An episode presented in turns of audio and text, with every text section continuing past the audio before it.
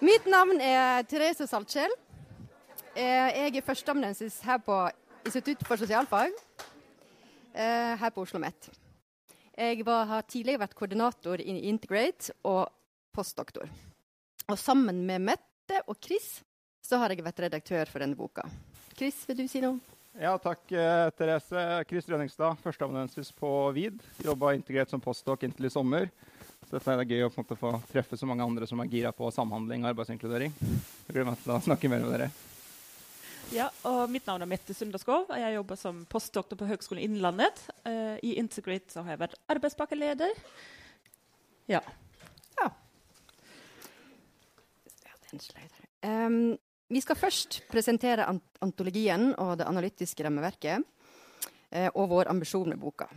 Og etter det så skal vi presentere kort de ulike bidragene. Eh, og til sist så presenterer vi avslutningskapitlet, der vi har syntetisert de ulike bidragene i boka. Og etter det så skal vi få presentert fire av bidragene i boka.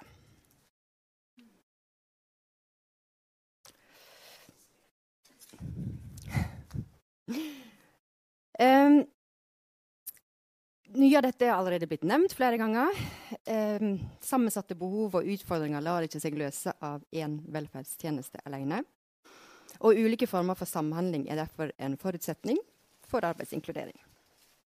Eh, Forskninga på området, altså om økt arbeidslivsdeltakelse, er fragmentert og prega av ulike tradisjoner og fagfelt som ikke nødvendigvis snakker sammen. Vi har to overordna ambisjoner med boka. Der det ene er å gi et empirisk innblikk i ulike former for samhandling fra det norske arbeidsinkluderingsfeltet.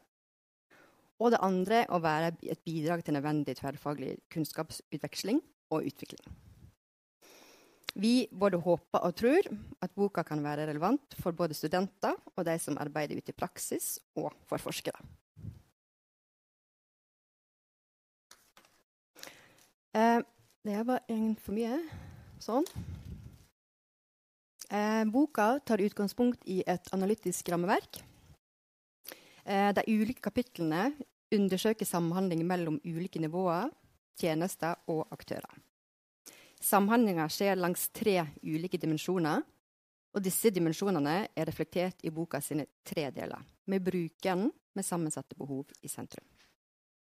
Rundt brukeren foregår samhandlinga i og mellom offentlige tjenester og mellom offentlige tjenester og ikke-offentlige aktører. De ulike kapitlene handler enten direkte eller indirekte om samhandling og inkludering i arbeidslivet.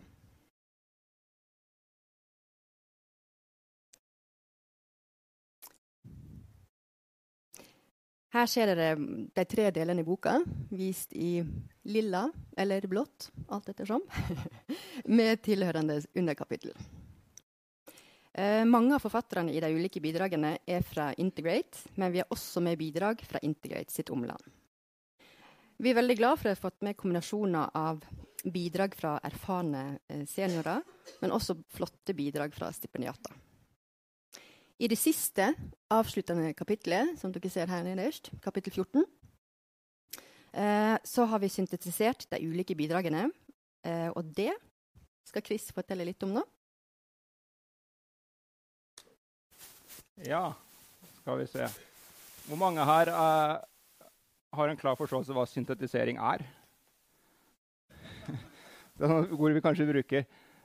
Det vi, det vi, rett og slett har gjort, er at vi har tatt de kapitlene Therese viste, og så har vi tatt det her rammeverket her, som vi har lånt fra helseforskninga, som man sier om samordning på helseforskning. Så tar vi de bidragene i boka og presser de sammen med det bidraget her, og så får vi noen svar. Vi får noen svar om hvordan vi jobber på samordning av systemer. hvordan boka vår sier noe om det. Hvordan boka sier noe om samordning mellom organisasjoner, mellom profesjoner, tjenesteutøvere, og så på bakkenivå med brukerne der ute hver eneste dag.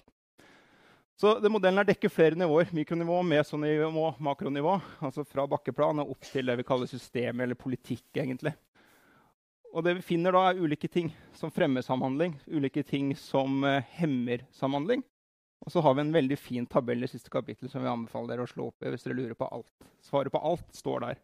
Så hva fremmer, hva hindrer på de ulike nivåene? Og så langs de fire dimensjonene, som er samordningsdimensjonene, bakkenivå, utøvere, organisasjoner.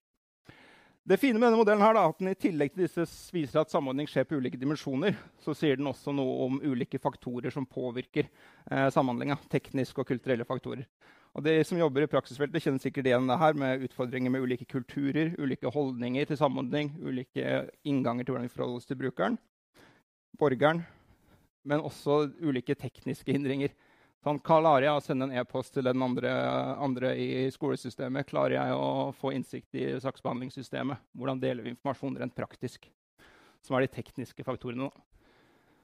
Så kort oppsummert, når vi da presser alle bidragene i boka inn i dette rammeverket, hva finner vi? Vi finner at denne her systematiske kunnskapsutviklinga og utveksling av kunnskap på tvers, altså den samordningen, er mulig. Vi finner mange eksempler på at samordning fungerer. Men vi finner også at det er krevende. Det er som det står nederst her, alltid en del av konflikt. Og håndtering av konflikt blir en sentral del av denne prosessen. Og Det krever også at man jobber helhetlig både med hvordan, hvordan vi skal jobbe sammen om uh, brukeren, om borgeren, men også hvordan vi skal fornære, forholde oss til utfall. Sånn Espen uh, Dahl og Åsmund har et veldig fint kapittel om dette livsløpsperspektivet. Skal vi se på utfall både, både bare som arbeid eller ikke-arbeid, eller handler det også om hva man plukker opp langs veien? Bygge tillit, bygge selvtillit, bygge evne til å håndtere egen situasjon. Så prosessen er større enn bare dette utfallet som er arbeid eller ikke arbeid.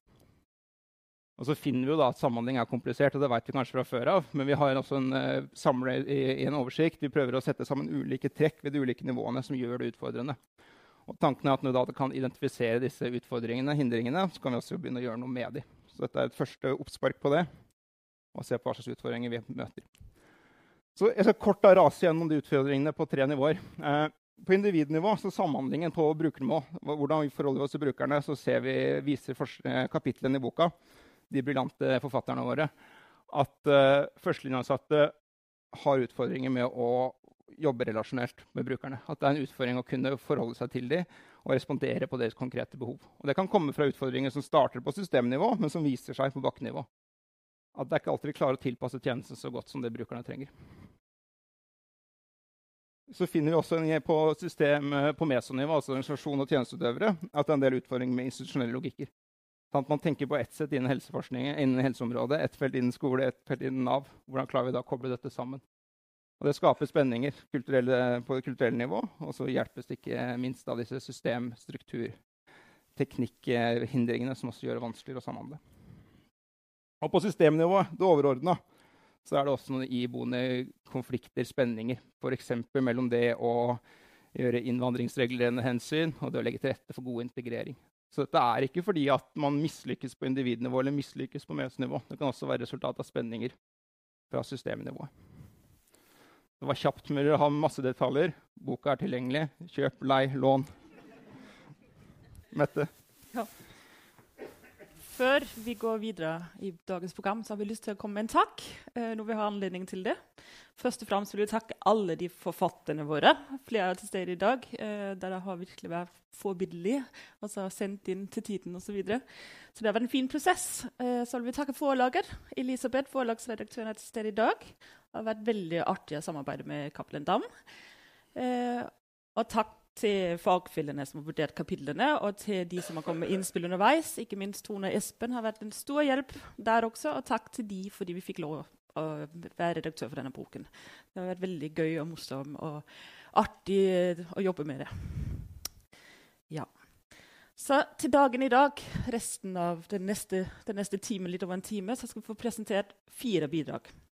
Og De fire bidragene har vi valgt fordi vi mener de illustrerer litt ulike dimensjoner ved samhandling.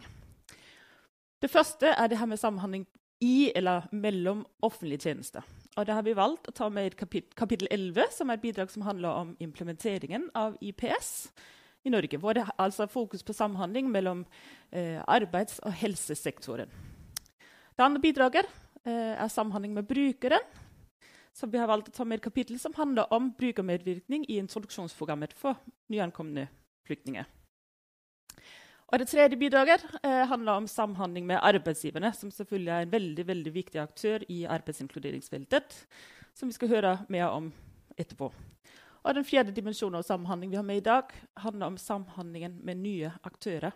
Eh, og det blir da eh, i dag eh, snakket om samhandling med sosiale entreprenører som er ny aktør innenfor arbeids- og velferdsfeltet. Så jeg har fått oppdrag å presentere de her bidragsyterne. Og den første damen på scenen er Line Fossum Skogstad. Du kan komme opp her. Line er det som heter offentlig ph.d. Dvs. Si at hun er doktorgradsstipendiat ved Institutt for, eh, nei, Senter for profesjonsstudier her på Oslo OsloMet. I tillegg er Line seniorrådgiver ved Nav i Vestviken. Og jobbet i Nav eh, siden 2014 med oppfølging av ulike satsinger innenfor arbeids- og helsefeltet. Og Line har mastergrad i sosiologi fra Universitetet i Oslo. Velkommen, Line. Takk for at du ville være med oss i dag.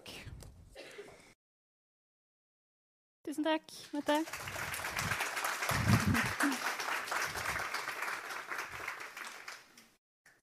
Ja, nå hadde jeg tenkt å si hva jeg het og hvor jeg jobber, og sånn, men det slapp jeg nå. Så takk. Så da kan jeg gå rett på sak. Um, kapitlet mitt heter jo uh, 'Hvordan lykkes med å implementere en praksis som krever samhandling mellom sektorer'. Erfaringer fra individuell jobbstøtte, IPS, i Norge så er det viktig for meg å si at dette her er jo ikke noe fasit på hvordan vi skal lykkes med IPS. fordi det har vært og det er fortsatt veldig utfordrende å implementere uh, denne metoden.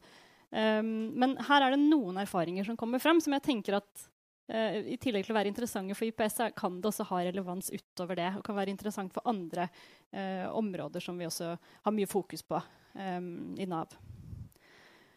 Skal vi se. Først skal jeg si litt kort om, eh, om, IPS. Mange av dere kjenner det, men kanskje ikke alle like godt.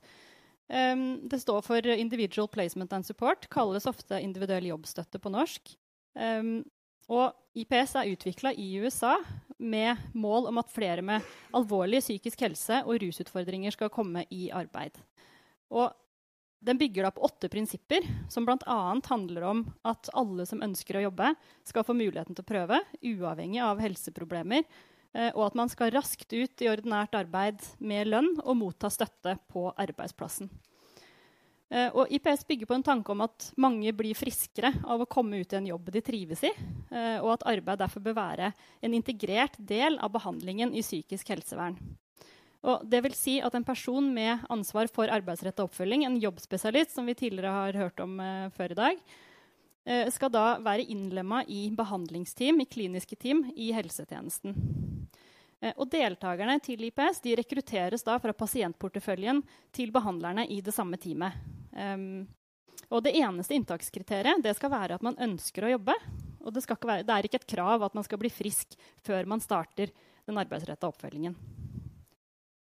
Um, ehm, IPS bygger da på en, eh, en, standardisert metode med en såkalt fidelity-skala, som måler i hvilken grad tjenestene etterlever den opprinnelige modellen. Og studier har pekt på at det er en sammenheng mellom graden av etterlevelse og hvor mange som kommer i arbeid. Derfor er det som regel et mål å etterleve denne best mulig når IPS implementeres. Og den opprinnelige IPS-modellen kalles ofte evidensbasert fordi den er prøvd ut gjennom randomiserte, kontrollerte studier i mange land og i ulike kontekster. Og den har jevnt over vist bedre resultater på overgang til arbeid enn andre tiltak som det da har vært naturlig å sammenligne med. Um, IPS begynner etter hvert å bli ganske utbredt i Norge. Uh, det er nå IPS-tjenester i alle fylker. Eh, og det har vært en stor vekst siden dette pilotprosjektet, som, forsøksprosjektet som ble gjennomført i Norge, som var ferdig i 2016. Da var det åtte forsøksprosjekter. Eh, og nå er det ca. 100 tjenester på landsbasis. Um, og over statsbudsjettet er det satt av en god del penger til IPS, og mye av tiltaksmidlene i Nav brukes nå til å finansiere IPS-jobbspesialister.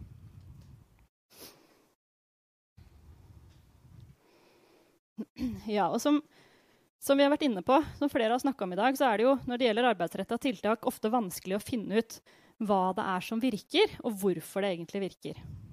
Så for IPS sin del så fins det jo en del evidens fra utprøvinger. Men samtidig så viser nyere studier at det å implementere metoden som en del av det ordinære tjenestetilbudet, det er ganske vanskelig. Og ofte da, er det dette samarbeidet mellom Nav og helsesektoren som er det vanskeligste å få til. Men i Norge så har vi jo likevel kommet et godt stykke på vei. Da, og det er mange gode tjenester rundt i landet. Og i mitt ph.d.-prosjekt så har jeg intervjua ledere fra både Nav og helsetjenester som har tatt i bruk IPS, og spurt om deres erfaringer. Eh, og jeg har også snakka med eh, prosjektledere eh, såkalte regionale IPS-rådgivere eh, og koordinatorer som da har ulike roller i denne innsatsen for å implementere IPS i Norge. Eh, og I løpet av denne datainnsamlingen så kom det fram at selv om modellen følger en standard da, for hvordan en IPS-tjeneste skal organiseres, og hva den skal inneholde, eh, så ble det gjort en del tilpasninger eh, forskjellige steder. Og det var også enkelte elementer som opplevdes som ganske vanskelig å følge. Så jeg ble derfor nysgjerrig på hvordan blir denne modellen egentlig tatt i bruk i Norge? Og hva mener informanten er viktig for å få til å jobbe etter denne modellen og få til gode IPS-samarbeid? Og disse to temaene da, belyser jeg i kapitlet ved hjelp av translasjonsteorier. For denne teorien gir noen begreper for å forstå hva som skjer når en praksis som er utvikla ett sted, spres og reiser eh, mellom ulike kontekster. Fordi dette skjer jo ikke i et vakuum, men praksisen oversettes underveis i møte med eksisterende kultur eh, og rammer i de organisasjonene som tar den i bruk. Så Derfor så spør jeg i kapitlet eh, hvordan oversettes IPS i en norsk kontekst? Og hva kan gjøre det lettere å få til gode oversettelser? Sånn at man forhåpentligvis også oppnår da gode resultater. Og som bl.a. Eh, Kjell Arne Røvik skriver, da, så er det vanskelig å kopiere en praksis sånn at den gir de samme resultatene overalt, fordi det er usikkert nøyaktig hva det er som virka med den. Uh, og det er jo det Espen også snakka om tidligere i dag når det gjelder randomiserte, kontrollerte studier. Så hvordan stiller dette her seg for IPS, da, som tross alt følger en evidensbasert oppskrift? Nokså ulikt eh, en del andre arbeidsretta tiltak som vi har.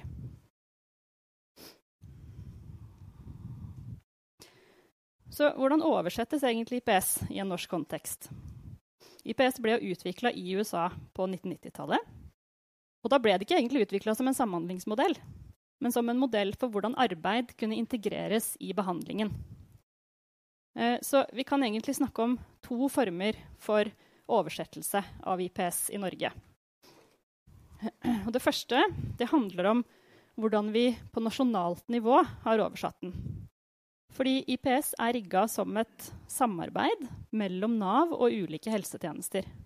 Som regel da, er jobbspesialisten ansatt i et Nav-kontor og samlokalisert med helse gjennom deltakelse i behandlingsteam.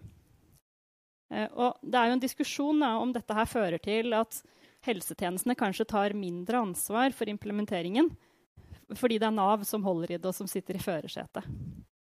Og noe mine funn da, og også tidligere studier peker på, det er at det er kanskje Nav som sånn eh, i utgangspunktet har mest å tjene på et samarbeid eh, med helse, fordi Nav skal jobbe med å hjelpe folk i arbeid.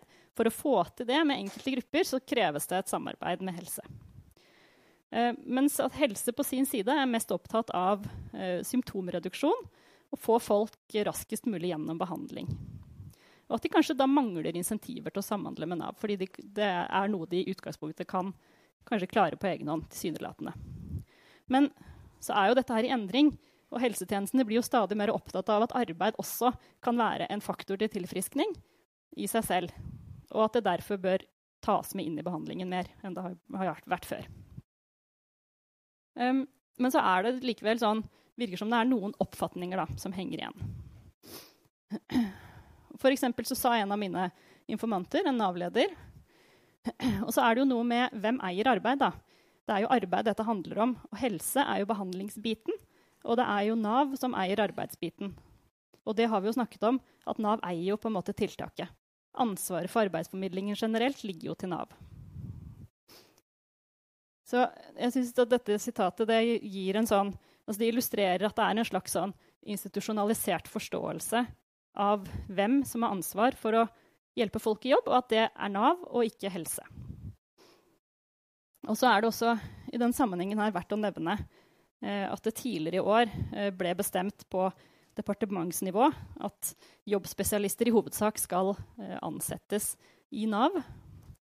Og det er fordi de oppgavene som jobbspesialistene gjør, de er ikke å anse som helsehjelp etter helselovgivningen. Og I praksisfeltet så mener mange at dette her kanskje gjør det enda vanskeligere å få til den integreringen mellom arbeid og helse. I tillegg til at det også skaper en del juridiske problemer som gjør det vanskelig å oppfylle enkelte punkter i Fidelity-skalaen. Og det her er ikke med i bokkapitlet, for det skjedde etter at jeg hadde skrevet det ferdig. Men eh, det er jo også et godt eksempel på hvordan IPS har blitt oversatt til en norsk kontekst og gjort til et Nav-tiltak, et aktiveringstiltak. Så det kan jo hende er noe vi kommer tilbake til senere i dag også. Og I tillegg til at IPS er oversatt til å bli en samhandlingsmodell, så blir det også oversatt litt ulikt fra sted til sted i ulike kontekster innad i Norge. For så gjelder dette hvordan jobbspesialisten integreres i behandlingsteam. Um, hvor mye av møtene de deltar på. Hvordan rutiner for journalføring er løst. Uh, og informantene forklarte at selv om IPS-metoden er gjort eksplisitt gjennom denne Fidelity-skalaen, på noen punkter, det er det også ganske mye som ikke er eksplisitt, og der det fins ulike måter å løse det på. Spesielt når det gjelder disse praktiske tingene i samarbeidet. Og det er jo også noen steder eh, hvor jobbspesialisten er ansatt eh, i helse og ikke i Nav. Og det at metoden er relativt kompleks, det kan gjøre det vanskelig å oppnå en felles forståelse av eh, hva dette her faktisk er, fra alle involverte aktører. Og for tiden så jobbes det nå med felles faglige anbefalinger for IPS i direktoratene, som antageligvis kanskje vil bidra til å løse noen av disse praktiske utfordringene som han har opplevd. Um, og så fant jeg også at de som opplevde å få til IPS, de pekte på trekk ved den organisatoriske konteksten og ikke intervensjonen i seg selv nødvendigvis, eller i hvert fall ikke bare den, som noe av årsaken til at de fikk det til. F.eks. at samarbeidet fungerte veldig godt der fra før. Um, at det var en leder som brant veldig for dette her. Eller at det var en eller annen slags ildsjel som hadde hatt en viktig rolle i implementeringen. Og da kan vi si at praksisen er innvevd, fordi denne typen suksessfaktorer den er jo kontekstavhengig og kan ikke overføres direkte til andre kontekster. Med andre ord så kan det være vanskelig å oversette IPS til mange nye kontekster og få med alle elementene som har betydning eh, for å oppnå resultater. Fordi det som skal til for å oppnå resultater, er vanskelig å måle eller vanskelig å overføre.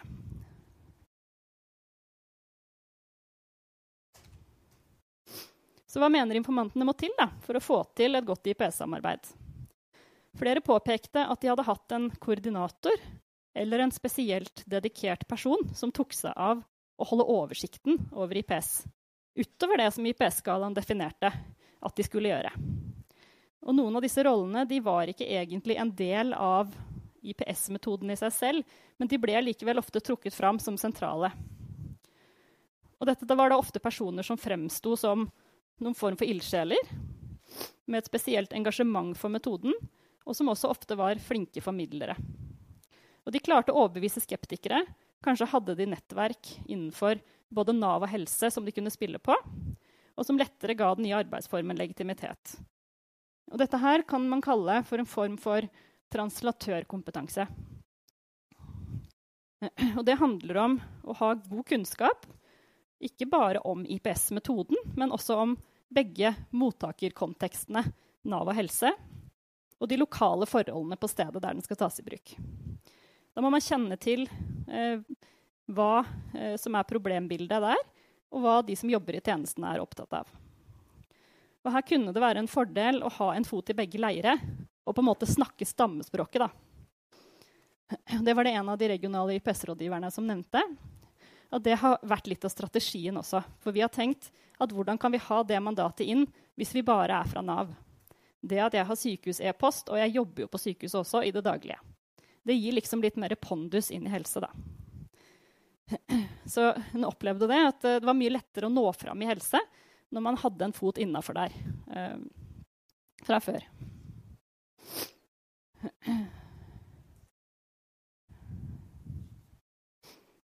Ja um, disse personene med translatørkompetanse det kan jo være de regionale rådgiverne, men det kan også være um, andre som har spesielt engasjement for metoden. Jobbspesialister, metodeveiledere. Um, personer som har kunnskap om disse organisasjonene på ulike nivåer. Da. Så skal jeg prøve å runde av litt. Uh, og liksom, hvorfor er dette her viktig, egentlig? Og jeg vet at det er jo mange fra Nav her. Og dette med overganger fra prosjekt til drift det er noe det snakkes mye om i Nav. Eh, og her mener jeg at erfaringene som jeg har vist fra IPS, kan være relevante. For det er jo veldig mye bra utviklingsarbeid som skjer i Nav. Men det er ikke alltid like lett å videreføre gode erfaringer når ekstra midler og ressurser faller bort. Så noen ganger så er det vanskelig å identifisere hva som faktisk ble gjort i prosjektet som var annerledes enn business as usual. Eh, og så ender man opp med kanskje nok et prosjekt som konkluderer med at tett oppfølging virker bedre enn ikke tett oppfølging. Så det var mange som kjente seg igjen i det. Så kanskje kan det ligge en gevinst da, i å prøve å gjøre så eksplisitt som mulig hva som faktisk skjer i prosjektene, og identifisere hvilke elementer denne oppfølgingen består av, og hva som kan ha betydning for resultatet. Og noen ganger er det kanskje andre ting enn intervensjonen i seg selv som er årsaken til at noe har fungert godt. Det kan f.eks. være at prosjektet hadde spesielt gode vilkår i det Nav-kontoret som det ble gjennomført i, pga. måten det var organisert på, eller pga. de folka som jobber der. Og så fungerer det kanskje ikke like godt i nabokommunen, selv om de tilsynelatende gjør det samme. Um, og Funnene viste jo at personer med translatørkompetanse de kan gjøre det lettere å overføre erfaringer og praksismåter mellom kontekster. Uh, og disse personene her, de har i hvert fall IPS da, fungert som viktige brobyggere mellom sektorene for å skape en felles forståelse og felles ansvar for den komplekse arbeidsmåten som IPS er. Uh, og kanskje har ildsjeler eller mer sånn ikke-observerbare trekk ved organisasjonene hatt større betydning for om man har lyktes eller ikke, enn, det man har trodd. Eh, så jeg tror at denne translatørkompetansen den er ikke alltid noe vi er så oppmerksomme på. Um, men at det kan være lurt å identifisere noen sånne brobyggere da, når ideer eller nye praksiser skal overføres og spres. Og dette er kanskje ekstra viktig i tverrsektorielle samarbeid. Så liksom for IPS sin del, da, selv om vi vet en god del nå om IPS, og at det er denne totalpakken som sannsynligvis gir resultater, så vet vi jo ikke nok om hvilke elementer som er de viktigste å holde fast ved, og hvilke som kan justeres eller modifiseres noe. Eh, for så blir det spennende å følge med videre på den norske implementeringen, der vi har gått langt i å organisere eh, IPS som et Nav-tiltak, selv om det i utgangspunktet har utspring i helse. Og hva skjer da med engasjementet fra helsesiden? Og hvilken betydning vil det ha for effekten av IPS? Og hvor godt vi lykkes i å få flere med psykiske helseproblemer i arbeid? Så det blir spennende å følge med på i tiden framover. Takk for meg.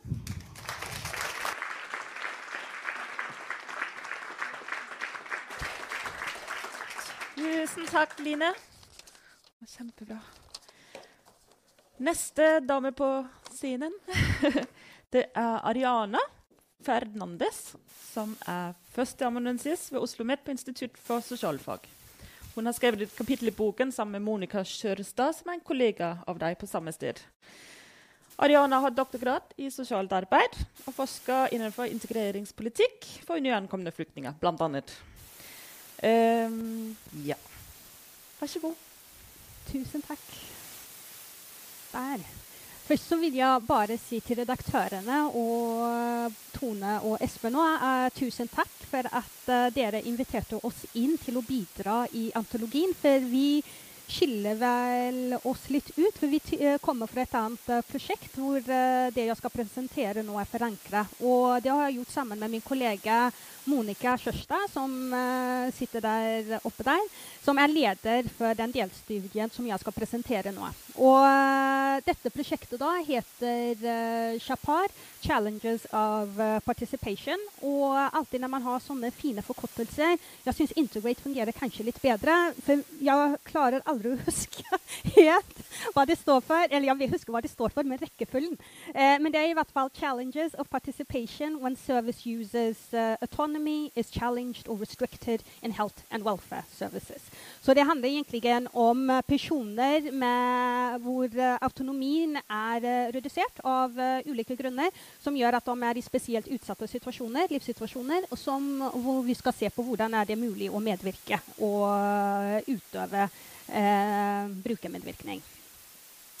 Jeg kommer bare si litt kort om uh, prosjektet. Uh, og så skal vi dykke ned i det som kapitlet egentlig adresserer. Og det er hvordan forstås og praktiseres medvirkning, brukermedvirkning i introduksjonsprogrammet. hva er det som hemmer og fremmer? og så konkluderer vi. Men Chapar er finansiert av uh, Norges forskningsråd. Den har gått over en periode siden 2018 til uh, nå. Vi holder på å skal avslutte. Uh, fikk en forlengelse i forbindelse med pandemien, naturlig nok. og vi har samarbeidet med Høgskolen på Vestlandet og VID, Vitenskapelige høgskole. Og det er prosjektleder Tor Slettebø som har ledet prosjektet. Eh, veldig kort. Det er fem ulike delstudier eh, og flere andre arbeidspakker. Men eh, jeg og Monica vi har da sett eh, nærmere på deltakere i eh, introduksjonsprogrammet. Men de andre er jo interessante nok i seg sjøl, for vi snakker jo virkelig om brukergrupper hvor det er spesielt utfordrende å få til brukermedvirkning i samhandling med ulike tjenester. Ok, Jeg skal si litt om introduksjonsprogrammet. veldig kort, så at uh, dere vet litt om konteksten. Det er sikkert flere her som vet om, mye om det fra før. Men uh, for de som ikke gjør det, så er introduksjonsprogrammet et uh, kvalifiserings- og integreringstiltak som går over flere år. har ble innført i 2003-2004 og fikk en ganske stor reform nå ganske nylig. Så det som tidligere var introduksjonsloven, har nå blitt erstatta med det som heter integreringsloven. Jeg og Monica har forska på de deltakerne som har, gått, uh, i, uh, som har fulgt programmet etter den gamle ordningen, introduksjonsloven. Og hvis man ser på deltakerne, hvorfor er det spesielt interessant å se på deltakere i intro, altså nyankomne flyktninger og innvandrere, det handler om uh, flere ting. Uh, det første er at man selvfølgelig ønsker altså Det overordna målsettingen er å få dem ut i arbeid, inntektsgivende arbeid eller ordinær utdanning etter man er ferdig med introduksjonsprogrammet. Det som kan gjøre det litt utfordrende å få til brukermedvirkning, er at programmet er obligatorisk. Og når noe er obligatorisk, så fordrer det ganske mye til de som jobber innenfor programmet, til å få legge til rette for noen form for uh, reell brukermedvirkning. Og når man i tillegg da er nyankommen, kanskje språkkunnskapene ikke helt er på plass enda, så vil det komplisere uh, det, å få, det å kunne påvirke sin egen sak. da. Så eh, det vi har gjort i kapitlet, da, vi har brukt samhandling. Vi ser det på som samhandling som en forutsetning eh, for å få til eh, brukermedvirkning. Og vi har undersøkt eh, primært samhandlingen som foregår mellom eh, deltakere i programmet og deres eh, programrådgivende, altså ansatte i introduksjonsprogrammet. Problemstillingene vi har sett på, eh, som jeg var litt inne på innledningsvis, det er hvordan forstås og praktiseres eh, brukermedvirkning. Hva hemmer og fremmer brukermedvirkning for eh, denne målgruppen? Som jeg skal si noe snart om hvem det er. Eh, og så er det selvfølgelig deltakerne og ansatsperspektiv som vi har sett på. Det som jeg har syntes har vært spesielt morsomt med denne forskningen, er at det er aksjonsforskning. Og som sosialarbeider så liker jeg aksjonsforskning, fordi at eh, det, man skal selvfølgelig følge alle vitenskapelige kriterier, men det gir en litt mer større handlingsrom når man går inn og skal forske, avhengig av hvilket forskningsdesign man har. I vår prosjekt så har vi hatt uh, dialogmøter hvor vi har fulgt deltakerne over to og et halvt år. Og dialogmøter det er at uh, vi har invitert uh, deltakere til å snakke sammen med oss med litt løsere rammer. og To timer inkludert mat, hvor vi har tatt utgangspunkt i hva er det deltakerne ønsker å snakke om. Hvilke temaer er de opptatt av? Og så har vi tatt det derfra. samtidig innenfor rammen av forskningsspørsmålene. da. Eh, og så kan vi hele tiden eh, spørre tilbake når vi har, gått, uh, når vi har gjennomført en sånn dialogmøte. Vi kunne gå tilbake og Forsto vi dette riktig? Så går vi tilbake til våre deltakere og har en dialog på det. Så vi, sånn, vi har hele, hatt en sånn kommunikativ validering underveis. da. Og konkret, målgruppen har vært eh, det vi kaller spor 1-deltakere i introduksjonsprogrammet. Det betyr at det er de som har liten eller ingen skolebakgrunn. Noen av de har vært eh, analfabeter, og de har vært fra Syria. Vi har hatt fem eh, menn og fire kvinner. Og de, har, uh, Materialet inkluderer også de ansatte, hvor det varierer hvilken utdanningsbakgrunn de har, og hvor lenge de har jobbet med introduksjonsprogrammet. Så da skal jeg bare Da begynner jeg å gå gjennom uh, funnene. Og det første spørsmålet, altså hvordan, hva forstås med medvirkning, der, møtte, der kom, møtte, vi tidlig utfordringer. Altså var, deltakerne kjente ikke til begrepet. De kjente ikke til innholdet. Det gjorde at vi måtte klø oss litt i hodet, og vi måtte omformulere, omformulere, det, omformulere det, ganske radikalt, egentlig, vil jeg påstå, eh, til å spørre om kan du påvirke. Det er ikke så radikalt, men det fikk vi heller ikke noe særlig respons på. Og da måtte vi omformulere det til kan du bestemme får de lov til å bestemme i programmet. Og det er noe helt annet enn brukermedvirkning, og det problematiserer vi litt i uh, kapitlet. Men uh, de kjente ikke til begrepet, og det i seg sjøl er interessant nok til uh, andre former for analyser. De ansatte kjente til begrepet, men der var det ikke entydig hvordan de forsto det. Eh, og det vet vi fra tidligere forskning, at det er, det er, selvfølgelig ulike forståelser til hvordan man forstår begrepet. Eh, noen sitater som er ganske illustrerende, er de to eh, jeg har tatt med her. Og en av de programrådgiverne sier det er et veldig vanskelig begrep. Det er en stor forskjell på individnivå og på systemnivå. Føler vel at vi jobber mye med brukermedvirkning på individnivå, og så prøver vi å få det til litt sånn på systemnivå. Men det er litt vanskelig. Den andre programrådgiveren sier det er et ord som høres veldig ut som et ideal, utrolig lett og vanskelig på samme tid. Hva jeg opplever som medvirkning, og hva opplever brukeren som medvirkning. Vi representerer jo et system. Det er masse føringer som vi er nødt til å ja, forholde seg til. Og det, det siste er, går rett til kjernen av det som egentlig vi, eh, er noe av våre hovedfunn. At det de, de, prøver å tilrettelegge, men, og, gjør, og, vi tenker at uh, det er ikke symbolsk. De gjør det helt oppriktig, men det er vanskelig for brukeren å komme til for å medvirke, av ulike grunner, som jeg skal gå inn på. Hvordan praktiseres medvirkning? Her er det litt uh, mørkt fra deltakernes side. Jeg vil vel kanskje si det. Eh, de opplever ikke at eh, de medvirker i noen eh, særlig grad. Og disse sitatene her er egentlig ganske illustrerende uh, for hvordan de opplever deres muligheter til å medvirke. Altså, Vi føler oss som roboter. Vi gjør det som blir fortalt. Eh, og eksempel, Mange som kommer fra Syria, er analfabeter, slik at de ikke kan lese og skrive på arabisk engang. Og da blir det for krevende. Vi bare tar imot. Vi er relativt nye. Vi vet ikke helt hva vi skal be om. Ingen hører på oss. Og etter en stund så ble jeg og Monica vi tenkte dette her var litt voldsomt. Eh, er det ikke noe her? Og det er noe der. Eh, mange, faktisk Samtlige av deltakerne er fornøyde med den relasjonen de har til sine programrådgivere. Eh, de opplever en tillitsfull relasjon, de, at de blir fulgt opp, men de opplever likevel at handlingsrommet til å kunne påvirke innholdet i sine egne program som begrenser det.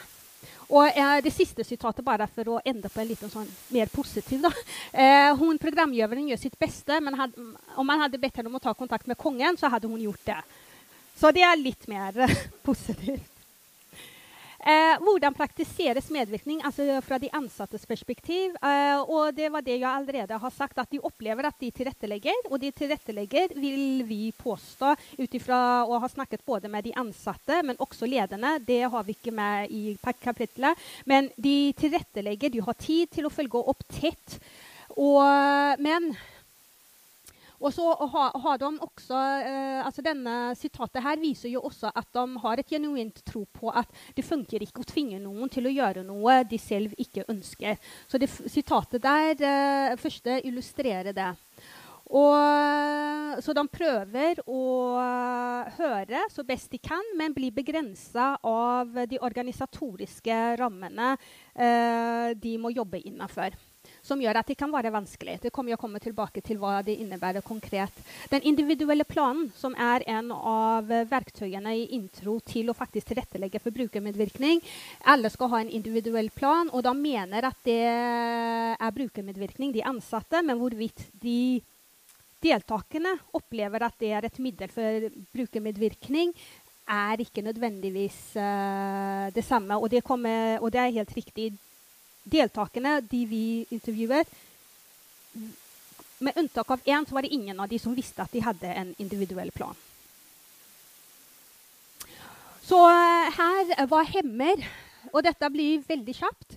Eh, språkkunnskaper på individnivå altså, Hvis jeg skal si det sånn, Vi finner jo selv, eh, hva som hemmer og fremmer på både systemnivå, organisatorisk nivå og på individuelt nivå. Språkkunnskaper faller inn under på individnivå hvis man uh, ikke kan medvirke meningsfullt på et språk man uh, hvis man ikke deler fellesspråk for kommunikasjon, så blir det vanskelig, særlig hvis man ikke får tak i kvalifiserte og gode tolker. Manglende kunnskap om rettigheter til systemet. De føler ikke at de får nok uh, informasjon. Vilkårlighet, tilfeldigheter. Eh, om hvordan uh, regler praktiseres innenfor introduksjonsprogrammet, anses også som eh, vanskelig. Barrierer på arbeidsmarkedet de, mange snakket om eh, opplevelse av diskriminering og rasisme. Uh, når vi ser på de ansatte, så er det språkkunnskaper hos deltakerne, naturlig nok, for det gjenspeiler de, eh, deltakernes erfaring. Utdanningsbakgrunn, og da skal det spesifiseres at vi har jo sett på de med lav eller ingen eh, utdanning. Og av tidligere forskning så vet vi at det økes, altså medvirkning, opplevelsen av medvirkning økes jo, mer, jo høyere utdanningsbakgrunn en har. Eh, mangel på egnede praksisplasser, lite koordinering mellom de aktu aktuelle instanser. Voksenopplæringen skiller seg ut uh, her, altså samarbeidet der. Eh, de, og organisatoriske og økonomiske innskrenkninger. Altså har man nok ressurser til å ha nok ha bred nok tiltaksvifte, f.eks. Eh, har man økonomiske rammer til å innvilge ekstra år som man tidligere hadde anledning til å gjøre? Og påvirker.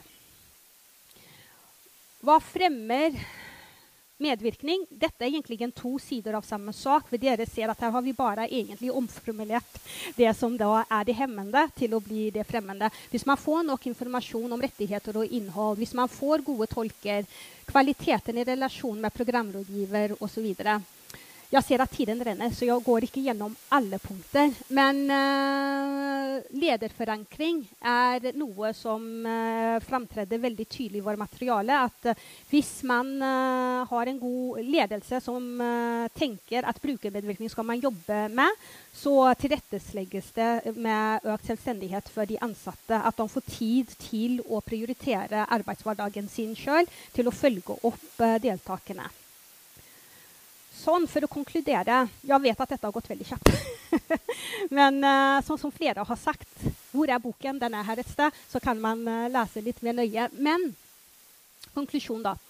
Uh, det er paradoksalt at både ansatte og deltakerne syns at brukermedvirkning er et begrep som er vanskelig å forstå. Eh, ansatte eh, jobber systematisk med brukermedvirkning.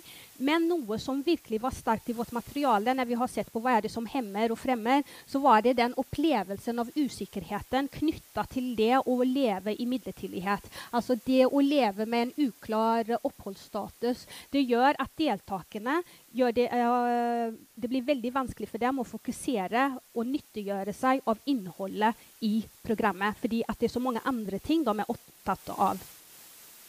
Uh, og det er klart Når deres grunnleggende behov for forutsigbarhet og trygghet ikke, altså blir satt på spill, så blir brukermedvirkning utfordrende. Uh, det blir, det var, og det var vel det vi opplevde, det å snakke om brukermedvirkning knytta til deres nåværende situasjon, når det var så veldig mange bekymringer, det nådde ikke frem. Fordi de var opptatt av helt andre ting. Så eh, vi skriver da at det kan framstå som at deltakerne samhandler for å få kunne bli i Norge og få en grunnleggende trygghet, mens ansatte samhandler for å nå målet om arbeidsinkludering, som paradoksalt nok, eller det er ikke et paradoks, da, men som på sikt kan bidra til at de faktisk kan få sikker oppholdstillatelse. Så det handler om samhandling på ulike premisser og med ulike utgangspunkt.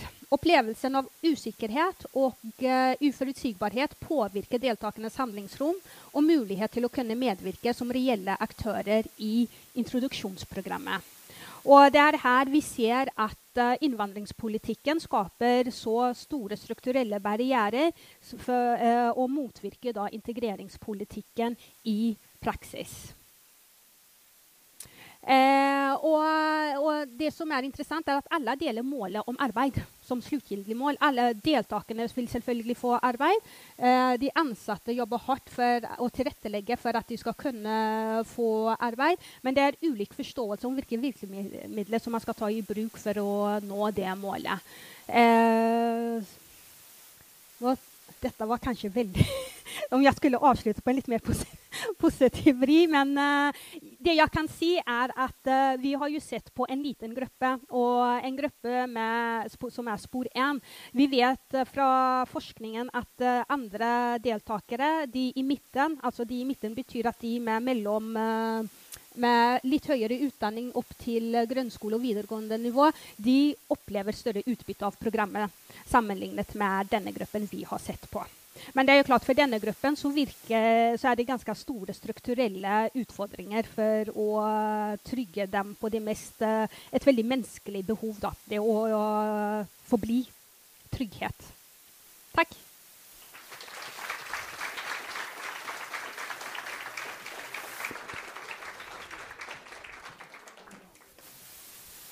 Tusen takk til Ariana. Flott presentasjon og for bidragene til dere begge to. Da er vi kommet til det som skal omhandle samhandling med arbeidsgivere. Og her er Øystein Spjelkevik som vil presentere et kapittel han har skrevet sammen med Heidi Inehaug, som er en kollega av ham. Øystein han er seniorforsker ved Arbeidsforskningsinstituttet her ved Oslo OsloMet og er til, uh, tilknyttet KAI, Kompetansesenter for arbeidsinkludering. Så vær så god, Øystein. Mm, takk. Får du opp min? Skal jeg bare trykke videre, så kommer jeg. Ja, se der. Fantastisk. Uh, jeg skal presentere, eller Det vi har skrevet om Heidi og jeg har skrevet om i, i, i den boka, det, det, er ett prosjekt som, som, vi har kalt for arbeidsinkludering og mentor. Men for oss så er det egentlig snakk om, om to prosjekt som vi har hatt i, i løpet av denne Integrate-perioden det, det, det, er to prosjekter som handler om dette med kan, kan vanlige, ordinære Nav-veiledere aktivere, seg, var mer involvert i, i arbeidsinkluderinga.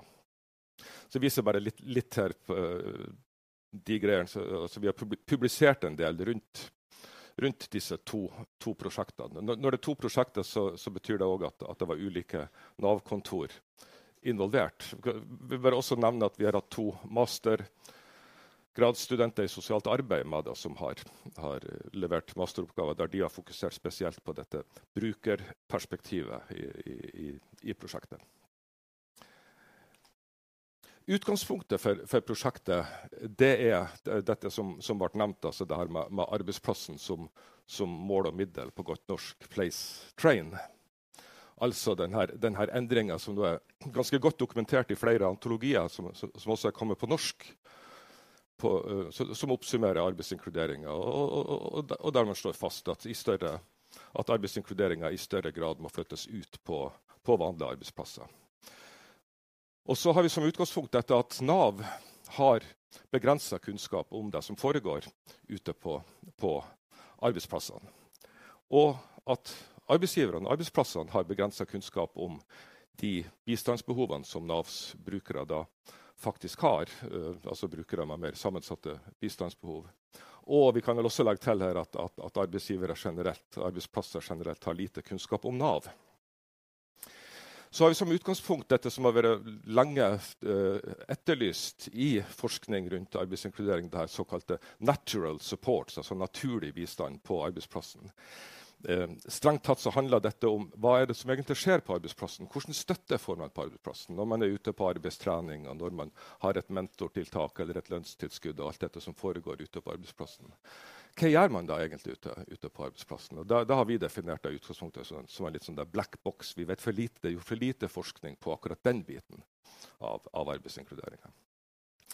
Og så har vi med dette, dette samskapingsperspektivet da, som, som, som, vi lærte ganske godt gjennom det her Integrate, uh, den, uh, dette Integrate-prosjektet. Uh, og, og, og, at vi ser at, at, samskaping i økende grad blir sett på som en sånn lovende måte å utvikle mer proaktive, innovative og involverte offentlige tjenester.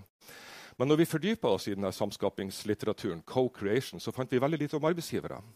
Alt, alt, der handla om, om co-creation, samskaping. Det, det, det handla liksom om, om, om, om eh, bakkebyråkratene, de Nav-veilederne som da skal samarbeide med, med, med brukere. Uh, så, så, Målet vårt da, det var på en måte å utvide dette samskapingsperspektivet til at og, si at uh, samskapinga må også omhandle arbeidsplassene og arbeidsgivere. Så vi holdt fast på samskapingsbegrepet. Vi, vi syns at, at, det er et bedre begrep enn samhandling. Fordi, fordi vi, vi, vi, ser for oss at arbeidsinkludering da, når, når Nav og arbeidsplassen og bruker samarbeider om dette med å få brukeren i jobb over til bedrift og bli kandidat, og alt sånt, så, så skaper man egentlig arbeidsinkludering. Så, så vi, så vi syns at, at, skapingsbegrepet her er, er godt å ha. Altså co-creation direkte oversatt. Så litt sånn, Nav har implementert jobbspesialister og supported employment. og alt sånt. Så spørsmålet er kan, kan, kan vanlige Nav-veiledere da uh, uh, involveres mer.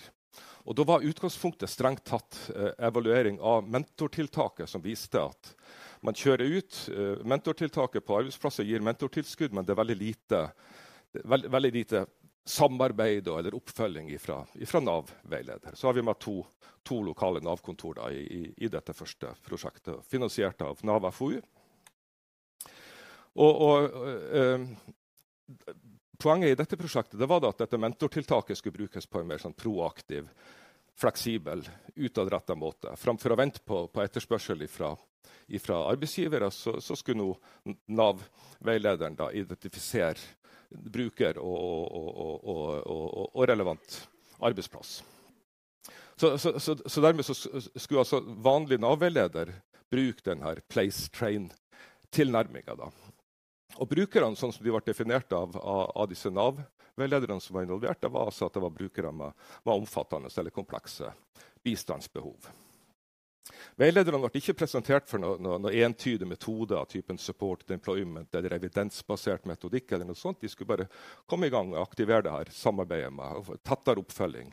Finn brukere der, der, dette kunne være relevant. Start der. og så og så komme i gang med, med, med arbeidsinkludering og samarbeid med, med, de som da skulle være mentorer på, på, på arbeidsplassen. Og, og, og, For å finne fram til mentor så måtte de da samarbeide med arbeidsgiver og diskutere dette med hvorfor vil vi ha en mentor, hvorfor, vi, hvorfor er det viktig med naturlig bistand på arbeidsplassen.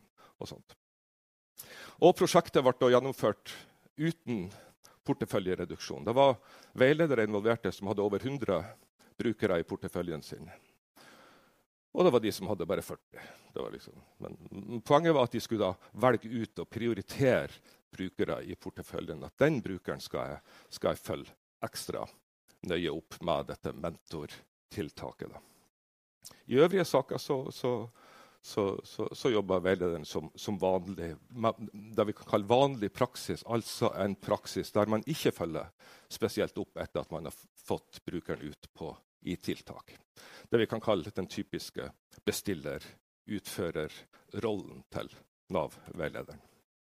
Så bare kort om, om, om, om datagrunnlaget. Da. Så, så, så var det, på de her to kontorene da, så var, så var det 42 mentorer involvert ute på arbeidsplasser og 32 veiledere. Og, og, og, vi brukte også sånn, sånn aksjonsforskningsmetodikk og, og, var der ute og, fulgte med. Det, eh, det, vi har gjort nå i forbindelse med dette kapitlet, det er at vi har reanalysert datamaterialet for å, for å, få bedre fokus på dette med, med roller og relasjoner i inkluderingsprosessen. Altså det er tydeligere aktørperspektiv på, på dette med, med, eh, veilederaktøren og mentoraktøren. Og så har vi fokus da, sterkere fokus på det her begrepet inkluderingskompetanse. At vi skiller da mellom inkluderingskompetanse i Nav og hva mener vi med inkluderingskompetanse på arbeidsplassen. Og så har vi et tydeligere samskapingsperspektiv. Dette, dette er den rapporten. da, så jeg vil bare kort nevne at de fikk ganske bra resultater, hvis vi skal, hvis vi skal tro på, på, på, på, de lokale rapporteringene. Da. Vi gjorde ingen effektanalyse her. Vi var, vi var opptatt mer av, av, av denne utviklinga, denne, denne oppfølginga. Men de fikk altså, det de sier sjøl, da, da, er de veldig stolte, er at de fikk faktisk bedre resultater enn supported employment og, og, og sånt som ellers løftes fram som det supergode i, i, i arbeidsinkluderinga. Ganske mange ulike bedrifter, uh, ulike bransjer involvert. 45 mentorer i 39 bedrifter. Det antyder jo også at, at, det var flere mentorer. og det, det, betyr at man også i noen plasser skifta mentorer. Bytta ut mentorer der, der, mentoren ikke fungerte som, som mentorer. Når prosjektet var ferdig, så anslo de her veilederne sjøl det var at med en sånn typisk portefølje i Nav med, med, med en hel haug av brukere, så, så, så, kan du ha fra, fra, to til fem brukere og jobbe sånn hele tida, der, der, du kan følge litt, litt ekstra opp. Vi har kalt denne utviklinga, denne veilederutviklinga, for tjenesteinnovasjon i Nav. Sånn. Altså at dette er strengt tatt noe nytt. Andre som vi har prata med, de sier at dette er ikke noe nytt. Det gjorde man, det gjorde man allerede på 70-tallet. Så kanskje det har skjedd noe, noe, noe senere at, at, at veilederrollen er blitt mer byråkratisert. Men det er altså utvikling av den tradisjonelle veilederrollen innenfor rammene av den bestiller utførermodellen. Veilederne jobber i noen saker så sånn, sånn, litt sånn i retning av jobbspesialister. Dette er da i saker der vanlig byråkratisk standardisert tilnærming anses som utilstrekkelig. I sånne saker så får da veilederen økt myndighet til sjøl å vurdere hvordan og i hvilken grad de skal følge opp brukeren og, og, og identifisere og samarbeide med aktuelle arbeidsgivere. Oppfølginga er individuelt tilpassa brukeren, og kontakter med bruker og mentor er så hyppig og fleksibel at veilederen raskt kan identifisere utfordringer og adressere disse. Kontakter med denne mentoren skjer primært på arbeidsplassen. Da, da var det ganske mye lagt vekt på fordi at veilederen må komme seg ut av kontoret. Og, og, og skal du få til oppfølging uh, i, i, samarbeid med, med, arbeidsplass og arbeidsgiver og mentor, så må, så må, du ut av kontoret. Du kan ikke bare belage det på, på telefonen. Men man brukte også telefon og mail og alt sånt. Masse. De fleste veilederne de, de, som var involvert i dette, de, de, ble tettere involvert i inkluderingsprosessen enn det som var vanlig i, ved bruken av mentortiltaket. Det sa de sjøl, og det, det, det, det, ser vi også når vi sammenligner med den evalueringa av mentortiltaket. Altså Ved å prioritere noen få brukere så, så blir du mye mer aktivt involvert. Og noen syns faktisk at dette var ganske vanskelig, og de, de, de uttrykte bekymring for, for, for, tidspress. Hva med de andre i, i, i porteføljen? Og sånn. Og eh, det er helt tydelig at Skal man til en sånn type tjenesteutvikling eller tjenesteinnovasjon, så, så, er man nødt til å ha veldig god lederstøtte på, på, på, på Nav-kontoret. Altså en leder som er engasjert og interessert i dette, og som, som, gir veilederen mulighet til å prioritere ikke bare brukere, men også ressurser og, og, og ikke minst tidsbruken. Da. Og tidsbruken handler da om å samarbeide med mentorene ute på, ute på arbeidsplassen. Kompetanseutviklinga i dette, altså den inkluderingskompetansen, er knytta til forståelse av både kandidaten og arbeidsgiverens, arbeidsplassens utfordringer og muligheter. Kunnskap om hvordan støtte mentor kan bidra med. Og ikke minst kunnskap om hva de sjøl som veiledere kan bidra med. For det er nettopp med den der tettere samskapinga med arbeidsplassen og mentor at de oppdager sjøl hva de hva de trenger å, å, å bidra med. Og, og eh, den, den, Denne direkte sammenhengen da, mellom anvendt kompetanse og aktivt samarbeid med kandidat og mentor det forstår vi som, som, som, som inkluderingskompetanse, som samskaping.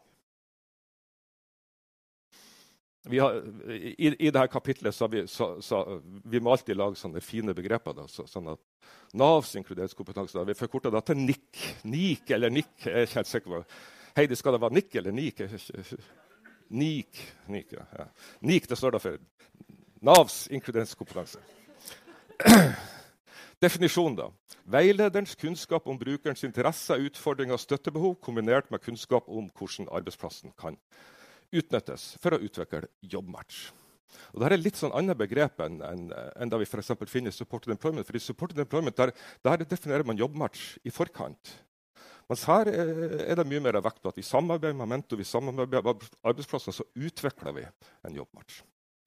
Vektlegging av NIK, NIK impliserer en overgang fra en distansert veilederrolle basert på kobling, altså matchmaking, av bruker og tiltak eller arbeidsplass, til en mer aktiv og involvert rolle, der veilederen bidrar til å utvikle jobbrelasjonen på arbeidsplassen over tid. Altså veilederen er aktivt involvert i å hjelpe bedriften og mentor til å utvikle jobbrelasjonen, til å utvikle jobbmatchen. Arbeidsrettet oppfølging basert på inkluderingskompetanse forutsetter kunnskap om brukerens mulighetsrom og anvendelse av denne faglige kunnskapen i den arbeidsrettede oppfølginga på arbeidsplassen. Så vi forutsetter her altså godt faglig oppdaterte veiledere.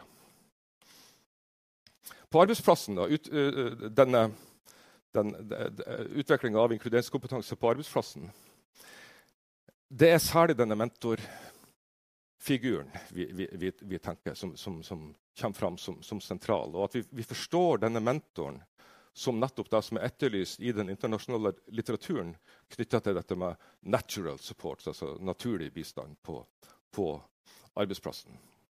Vi har diskutert litt skal, skal, vi kalle deg mentor, skal vi kalle deg fadder. og sånn der, og, og I Nav så ble det litt forvirring, fordi at ja, mentor det må jo være, det, vi, er, er, ute etter en støttefunksjon, men det bør jo helst ikke blandes sammen med det tiltaket. Mentortiltaket kan, kan, vi ikke kalle det noe annet, kan vi ikke kalle det fadder, kan vi ikke kalle det ditt eller datt. Så har vi diskutert det fram og tilbake, og, og ikke minst har vi diskutert med den bedriften som er her i dag, G Healthcare, som slo fast til oss at det heter mentor.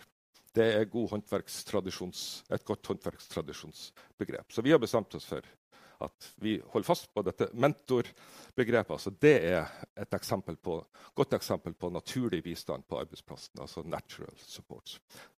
Denne natural support, altså mentoren, har da et dedikert ansvar. Det går naturligvis på introduksjonsstøtte, opplæring, arbeidsoppgaver og, faglig, og, og, og dette med å hjelpe til med den faglige utviklinga. Men det handler også om å få kandidaten til å føle seg trygg C-kandidaten, den sosiale inkluderinga i, i, arbeidsmiljøet. Og, og at man, man, man, det ligger hos mentors oppgave å få på plass mer individuelt orientert tilrettelegging enn det man vanligvis gjør ved, ved rekruttering og, og nyansettelse. Samarbeidet med Nav-veileder er avgjørende for å møte kandidatens behov. Det gjør det tryggere for bedriften å investere tid og ressurser i arbeidsinkludering. Det gjør det også tryggere for kandidaten som oppnår bedre motivasjon fordi mulighetene for mestring øker. Altså vektlegger man her dette med at det er mestring som fører til motivasjon, framfor dette å, å avkreve motivasjon for at de skal få komme inn på arbeidsplassen. Eh, mentoren da, møter da motstridende rolleforventninger, selvsagt.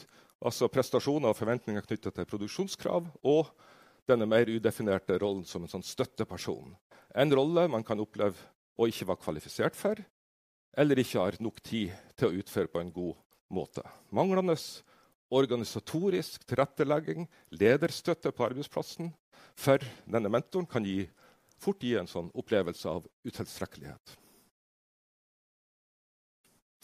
Så har vi definert denne arbeidsplassens inkluderingskompetanse som da blir AIK. AIK.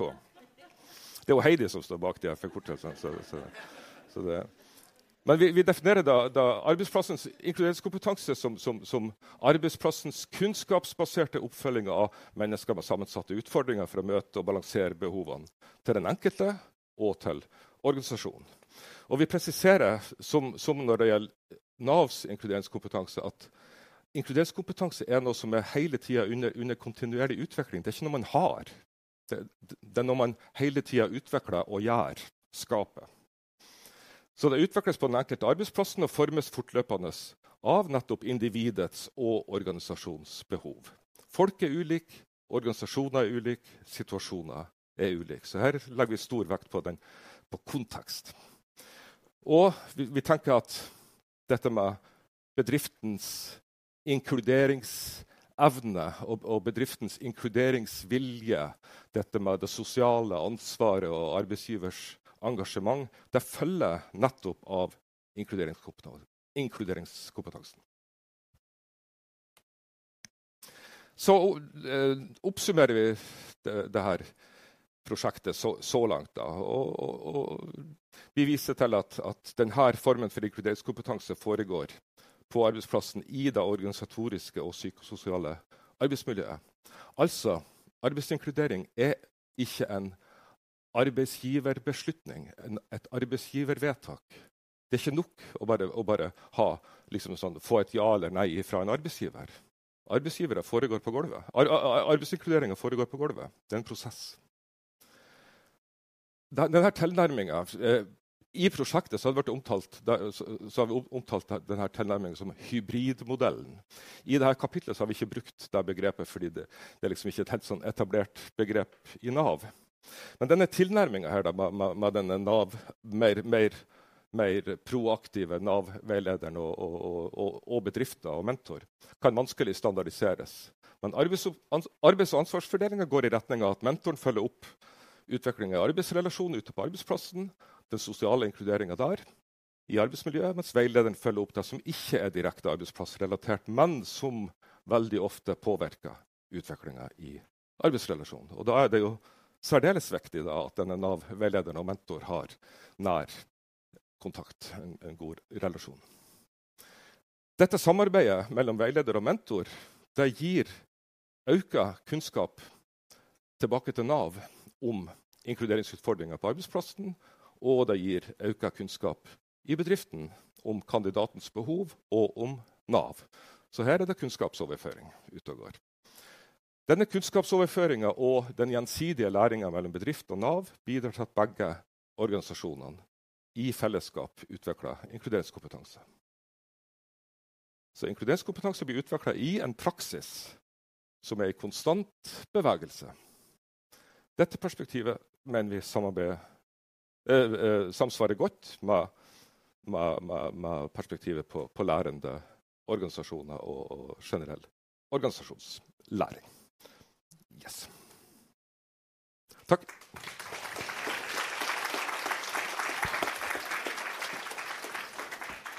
Tusen takk, Øystein, og takk til Heidi også for bidraget i antologien.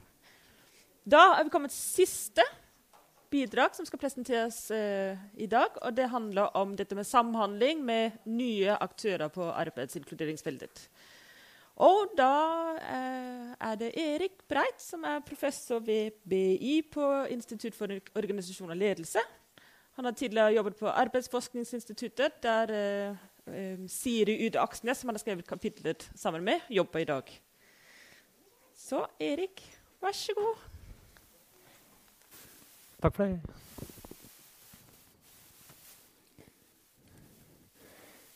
Ja, nei, men Tusen takk for invitasjonen til å komme her og snakke litt om vårt eh, kapittel. Så Dette er jo også et arbeid i tospann. Eh, også Siri er til stede her i dag, tror jeg. Sitter der borte. Så, så, dette er noe vi jobba sammen med, og også eh, med utgangspunkt i et eh, prosjekt vi har hatt på, på AFI, eh, og i samarbeid med, med andre også. Men eh, i hvert fall eh, Dette skal det handle om sosiale entreprenører.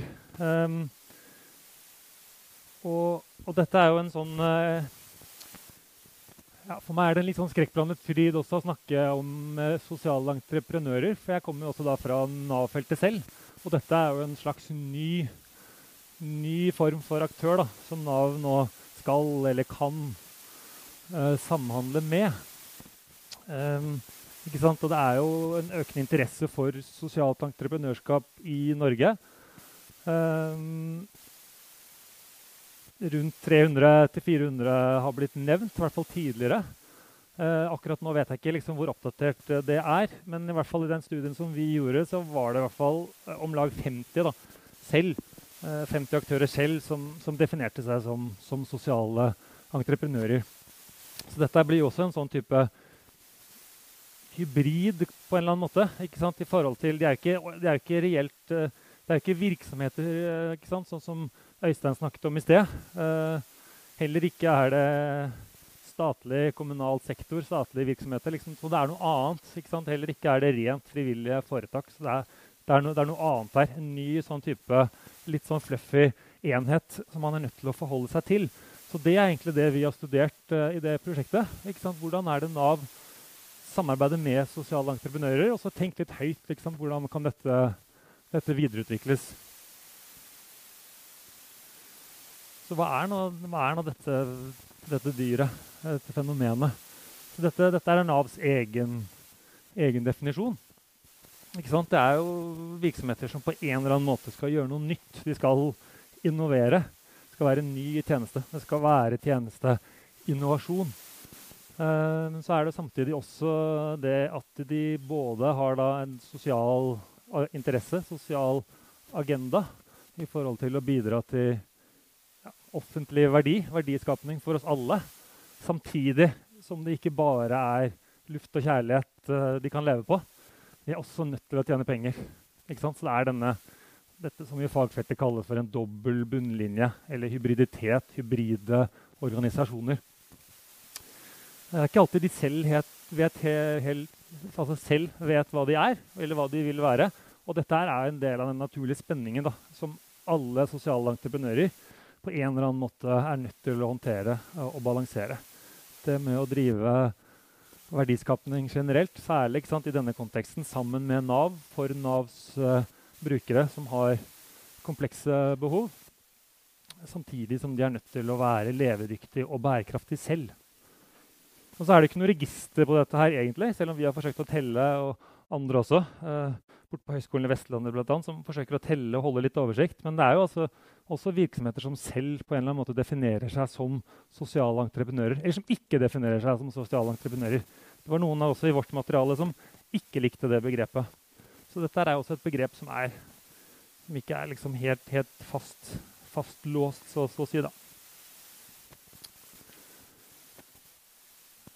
Fordelen med sosiale entreprenører sier jo litt seg selv. Det er, jo, det, er jo, masse energi. Det er nytenkning. Det er personer, eh, aktører som kommer inn og har forslag til ideer rundt hvordan tjenestene kan gjøres bedre, gjøres annerledes, gjøres mer effektive. Og særlig også liksom, rundt konkrete, konkrete brukergrupper. F.eks. Eh, personer i, i Intur-programmet som ble nevnt tidligere som kommer inn og som har liksom ideer.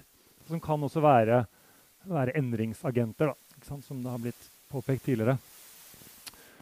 Men så er det noen grunnleggende utfordringer også med det å være sosial entreprenør og også det å skulle opprettholde sosialt entreprenørskap. Det er vanskelig å finansiere over tid, det vet vi fra litteraturen.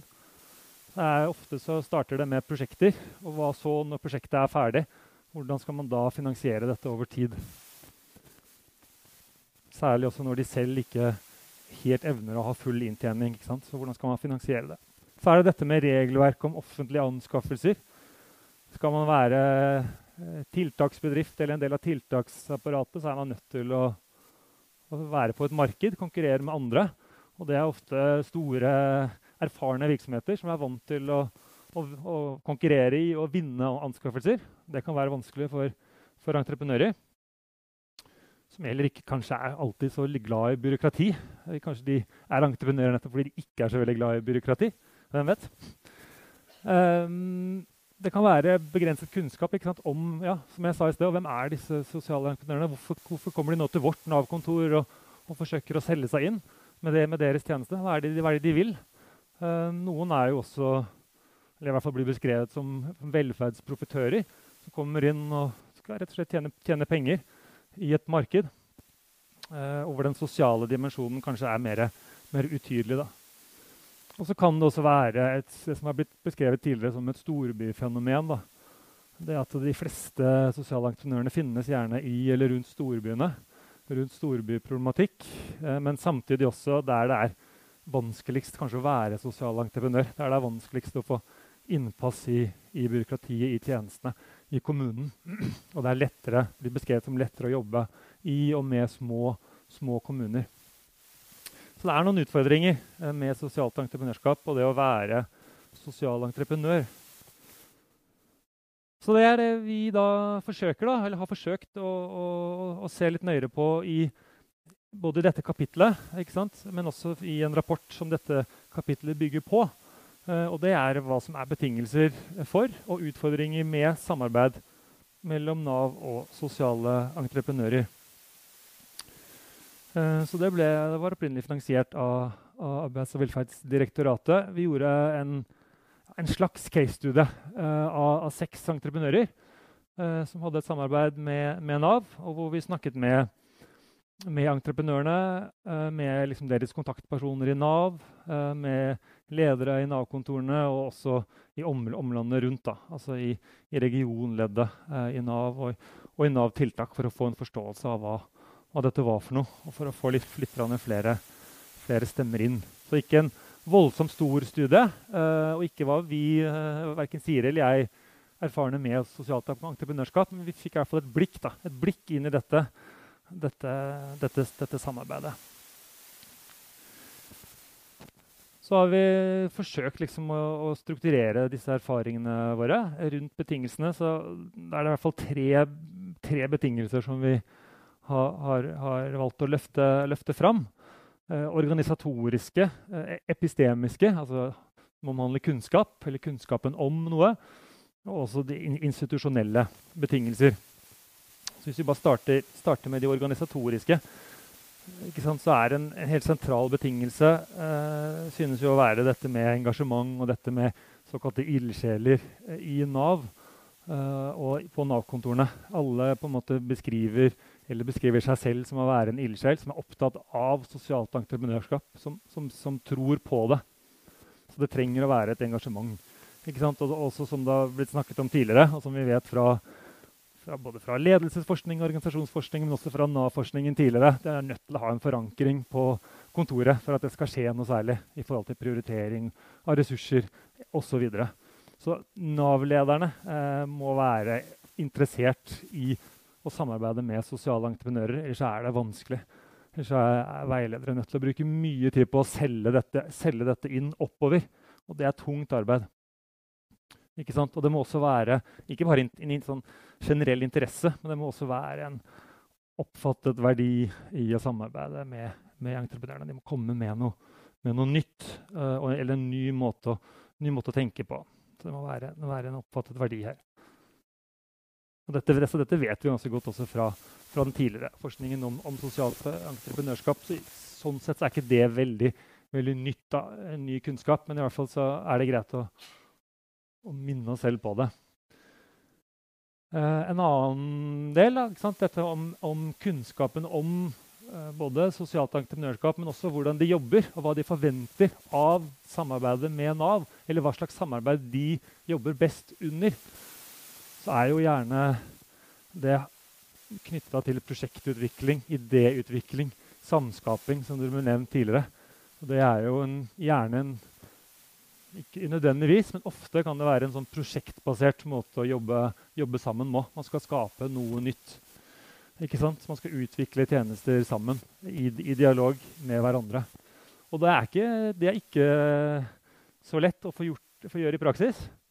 Dette vet du både fra forskersiden, dette vet sikkert dere også, like godt som meg. Det er vanskelig å samarbeide, jobbe sammen, utvikle nye ideer sammen.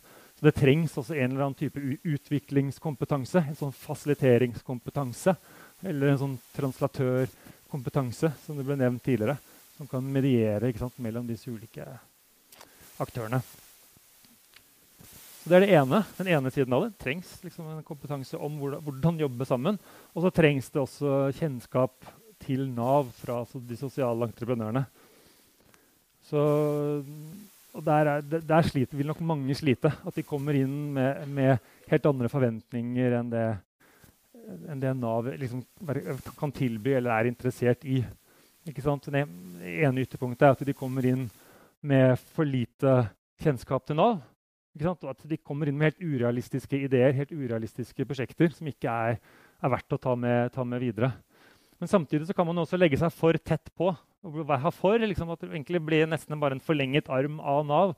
Og da mister man den, liksom den produktive spenningen som jo innovasjon og samskaping på en måte er hele fundamentet. Eh, ikke sant? At, man, at, det, at man, man, kommer med ulike perspektiver og ulike ideer. Så det er liksom en sånn, et sånt rom da, som man er nødt til å finne som sosial entreprenør med akkurat passe, passe kjennskap.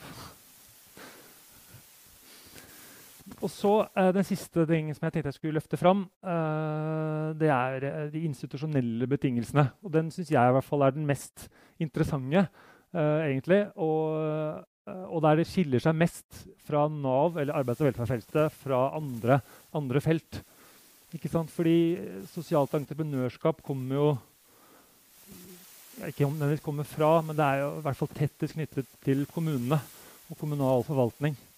Eh, og Nav er jo ikke bare det. Det er jo et partnerskap mellom stat og kommune. Og der eh, kan det være trøblete for de sosiale entreprenørene å, å forstå og forholde seg til. Uh, så, så de, de, får prosjekter. De får mye av finansieringen sin fra kommunene eller via kommunene. F.eks. via IMDi eller ja, det som tidligere ja, Fylkesmannen. ikke sant? Tidligere het Fylkesmannen. statsforvalteren. Og som kanaliseres gjennom kommunene. Men mange av dem sant, de er jo så frustrert over at dette er kun prosjektfinansiering. Og er, Vi har det så gøy i disse prosjektene. Vi får det så til. Det er jo så flott samskaping. Men hva så etter prosjektene? Og Da er det ikke så lett å få fornya prosjektet. Det er, ikke, det er ikke alltid sånn det fungerer. Eh, Nav, direktoratet er heller ikke så interessert i å fornye prosjektene liksom, eh, over lang tid. Så er de nødt til å finne andre finansieringsordninger. De vil inn, som, inn i tiltaksapparatet. Men da er de nødt til å konkurrere med med større, med langt mer erfarne tiltaksbedrifter. Som jo er gode også på det å skrive søknader og konkurrere. Og igjen, det altså, altså, Entreprenørene er ikke veldig keen på å sitte og bruke tida si på å skrive søknader. De vil samskape. Så, så, det er også på en måte dette med finansieringsordninger som er en hemsko. Og for så vidt en mulighet. ikke sant? Det er jo flott hvis de kan bli, altså, komme inn i et sånt tiltakssystem. Men det er det er, det, er, det er, vanskelig. Og det er også der de, jeg tror mange, mange strever med liksom å finne sin plass. Med å være små og fleksible. Uh, og det å skulle vokse og bli noe annet egentlig enn en entreprenør. Bli en, mer sånn, bli en virksomhet. Da. Og det, dette kjenner vi jo fra entreprenørskapsfeltet også. Når bedrifter vokser fra ideen til noe som skal standardiseres. Hva, hva gjør vi? Hva skjer da? Så dette var det noen som kalte, kalte prosjektenes evige forbannelse. det er så vanskelig å komme seg utover prosjektene, utover denne kortere samskapingen. Så konklusjonen vår uh, er jo Vi, vi syns jo det var gøy, da. Uh, og utrolig interessant å høre på måten som de sosiale entreprenørene jobbet på. Enten det var ja, språktjenester eller arbeidsformidling eller uh, arbeidstrening, eller til og med sant, noen som var arbeidsgivere. Um, så det finnes jo et mulighetsrom der. Og vi hører jo også det når vi var ute i Nav og, og snakket. Det, det, lar seg jo gjøre. Og kanskje er det knytta til også dette med muligheten til å lære. Da. Lære å reflektere i Nav over egen praksis. Lære noe nytt. Lære en ny måte å tenke på, en ny måte å se en gitt brukergruppe på å få lov til og anledning til å reflektere i prosjekter. Dette er kjempe, kjempeviktig, som Øystein sa, om organisasjonslæring. Utrolig viktig premiss for å drive utvikling. Um, det kan også være i forhold til reelt nyskapende tjenester som man får til. Uh, eller de kan komme inn også sant, med helt sånn konkret kunnskap, erfaring, egenerfaring med, med spesifikke målgrupper. Så dette er åpenbart et, et mulighetsrom dersom det er liksom politisk vilje til, til, til, å få det til. Men så er det særlig én ting som vi løfter fram i kapittelet vårt, når vi liksom forsøker å, å tenke, tenke, oss litt om. Og det er jo at sant, Vent nå litt. Dette, dette, er jo en ekstremt heterogen gruppe med entreprenører. De er virkelig ikke én ting eller gjør én ting. Det spenner egentlig veldig vidt. da. Så noen av dem opererer jo egentlig som, mer som arbeidsgivere. Altså de ansetter personer fra Nav. Mer som en, si, ja, en reell arbeidsinkludering. Mens andre er mer som anses som tjenesteleverandører. Mer eller mindre små sant, leverandører av ulike former for, for, oppfølging eller opplæring. Mens noen også er på en måte mer disse deltakerne i utviklingsprosjekter og holder på med samskaping og er, og er veldig innovative i forhold til tenkningen rundt. Da. Men kanskje det å få implementert i praksis er, er ett eller to skritt lengre, lengre fram. Da. Så dette er liksom en sånt, altså et sånt spenn. Da. Egentlig et ganske voldsomt spenn i sosialt entreprenørskap, sånn som vi har erfart det. Ja, så måtte jeg lage en liten modell. da. Jeg satt og tenkte på dette her. Jeg må liksom gjøre det for å, ja, egentlig for å tenke selv, for å få det til å, det til å henge litt, litt i hop. Så jeg, jeg, tror i hvert fall liksom at, at, dette er noe av det vi, av det vi finner da, eller reflekterer rundt. Det er ikke at Sosiale entreprenører er ikke bare fanget i denne hybriditeten mellom det sosiale verdiskapningen og den mer sånn private bedriftsmessige verdiskapningen. Men de er i Nav, i forhold til arbeids- og velferdsfeltet, så er de fanget mellom den mellom liksom to ja, Kall det gjerne institusjonelle logikker. ikke sant? Mellom denne ja, samskaping, samarbeidsmodellen. ikke sant? Jobbe tett, jobbe i nettverk, drive tjenesteutvikling. Finansieres via prosjekter. Som jo er en fantastisk morsom og lærerik måte å jobbe på. Men så er det nødt til å skje noe i løpet av den prosjektperioden. Da, eller i løpet, av, i løpet av den tiden. Så er, Da er de nødt til å også forholde seg til en sånn type bestiller-utfører-modell. De er nødt til å konkurrere mot andre virksomheter. Uh, de er nødt til å kanskje standardisere mer, forutse mer hva de gjør, og hva de skal gjøre. Så dette er der de, den, den, hovedspenningen de sosiale entreprenørene uh, holder på innenfor. Så helt, uh, helt avslutningsvis Sosialt entreprenørskap tror vi sant, kan være i hvert fall en organisasjonsmulighet. Åpenbart. Spørsmålet er om den er liksom bærekraftig på sikt for mange, for alle, som en mer sånn ja, standardisert, bred måte for Nav å samarbeide med en ny aktør på. Så dette, dette er liksom den positive siden. Men så handler det jo også om liksom dette samarbeidet eller den relasjonen med Nav. Og disse ulike typene av samarbeid. Da. Ulike typene av relasjoner som, som, finnes. Så på den ene måten sant, kan man tenke seg en sånn bottom up, uh, emergent, ny, utviklingsorientert liksom, måte å samarbeide på. Om det skal liksom være den bærende måten å håndtere sosialt entreprenørskap på. Eller på den andre siden denne mer standardiserte, brede, innkjøpsbaserte måten å forholde seg til dem på.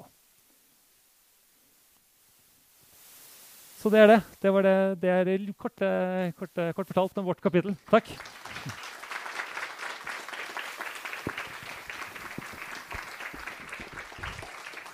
Takk, Erik, og takk til Siri for at dere skrev dette kapitlet.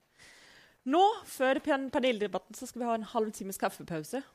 Men uh, i pausen da vil forlaget selge bøker, og det blir siste mulighet i dag for å kjøpe boken. Så løp og kjøp!